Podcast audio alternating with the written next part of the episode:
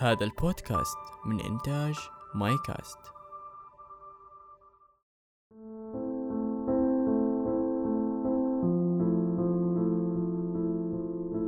مرحبا أنا عامر وهذا بودكاست جرعة أمل.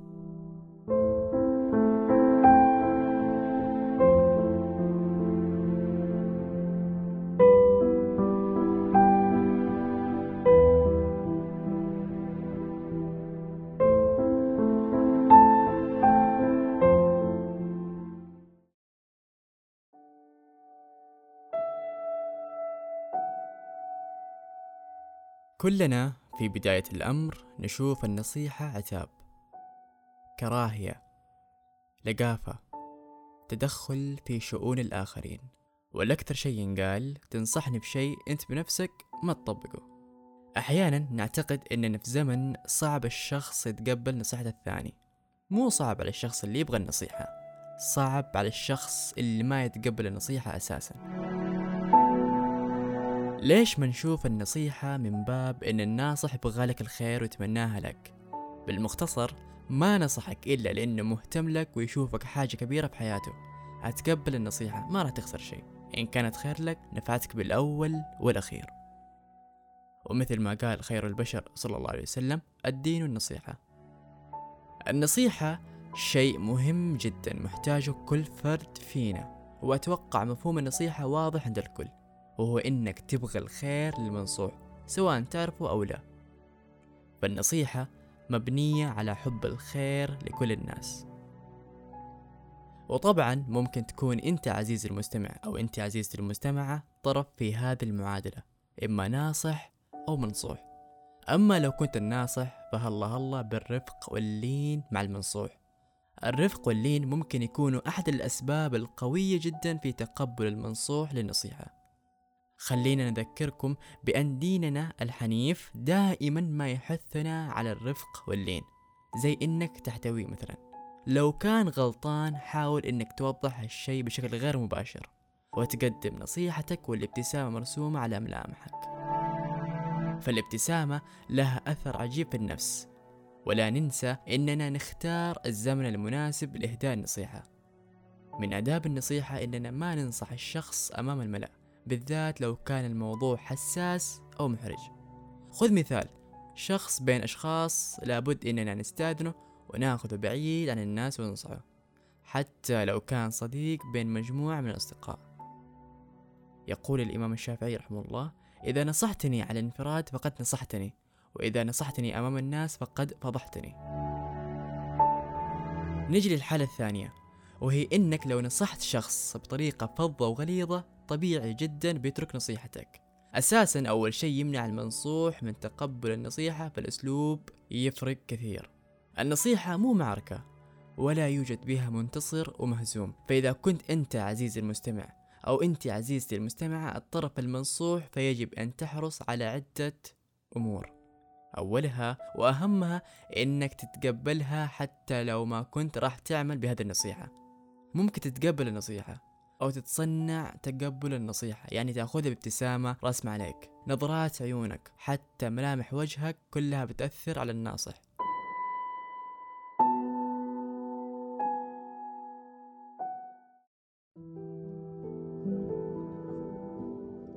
أخيرا كردة فعل لو كنت أنت أو أنت طرف منصوح من المفترض التقبل والعمل بها لأن طبيعي الشخص ما بينصح إلا إذا كنا بنحتاج النصيحة. أو شاف علينا حاجة خطأ أو تصرف ما كان سليم بتقدم وبينصحك وبينبهك لأن المسلم لأخيه المسلم مهما كان. ومن الأخلاق المفروض ما نقاطع الناصح حتى لو كان بنظرنا انه كلامه خطأ أو إننا ما حنلتزم بنصيحته. المفترض ما نتسرع ونفكر بالنصيحة. ممكن بعد وقت نحتاجها فعلا وممكن تكون نصيحة صائبة. لكن كان الخطأ تسرعنا وردة فعلنا.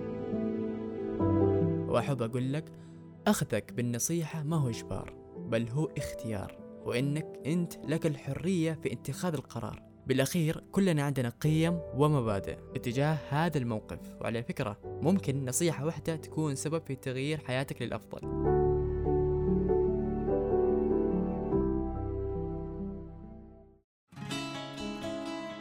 مستمعين الأحباء تناصحوا وتحابوا. تسلموا وتغنموا ومثل ما قال مبدعنا حمود قيم كبرى لما نعليها تعلينا. عزيزي المستمع كون بخير. من آدم جئنا ومن حواء الرحمة أجمل ما فينا. نعطف ونحب ونشتاق تتشابه جل أمانينا. للخير نميل بفطرتنا. للقيم برانا بارينا. كنا رجلا صرنا أمما. نرقى برقي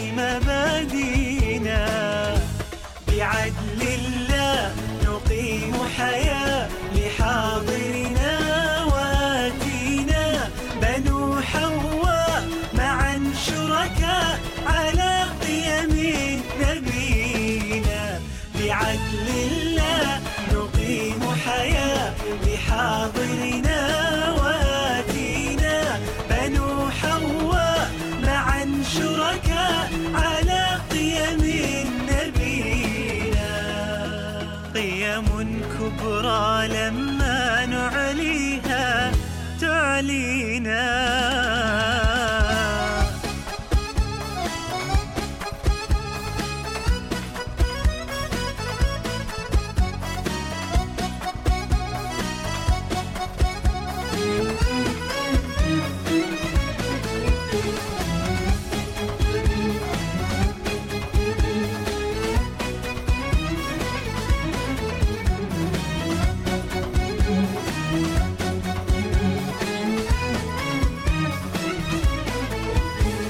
قيم واحدة تجمعنا رب الكون بها أوصانا. نتعايش بالعدل سويا مهما نتباين ألوانا. لا يعدم قوتا أفقرنا لا يقهر نفسا أقوانا. فتعالوا نملأ عالمنا إخلاصا بذلا إتقانا بعدل الله نقيم حياة لحاضرنا واتينا بنو حواء معا شركاء على قيم نبينا. بعدل الله نقيم حياة لحاضرنا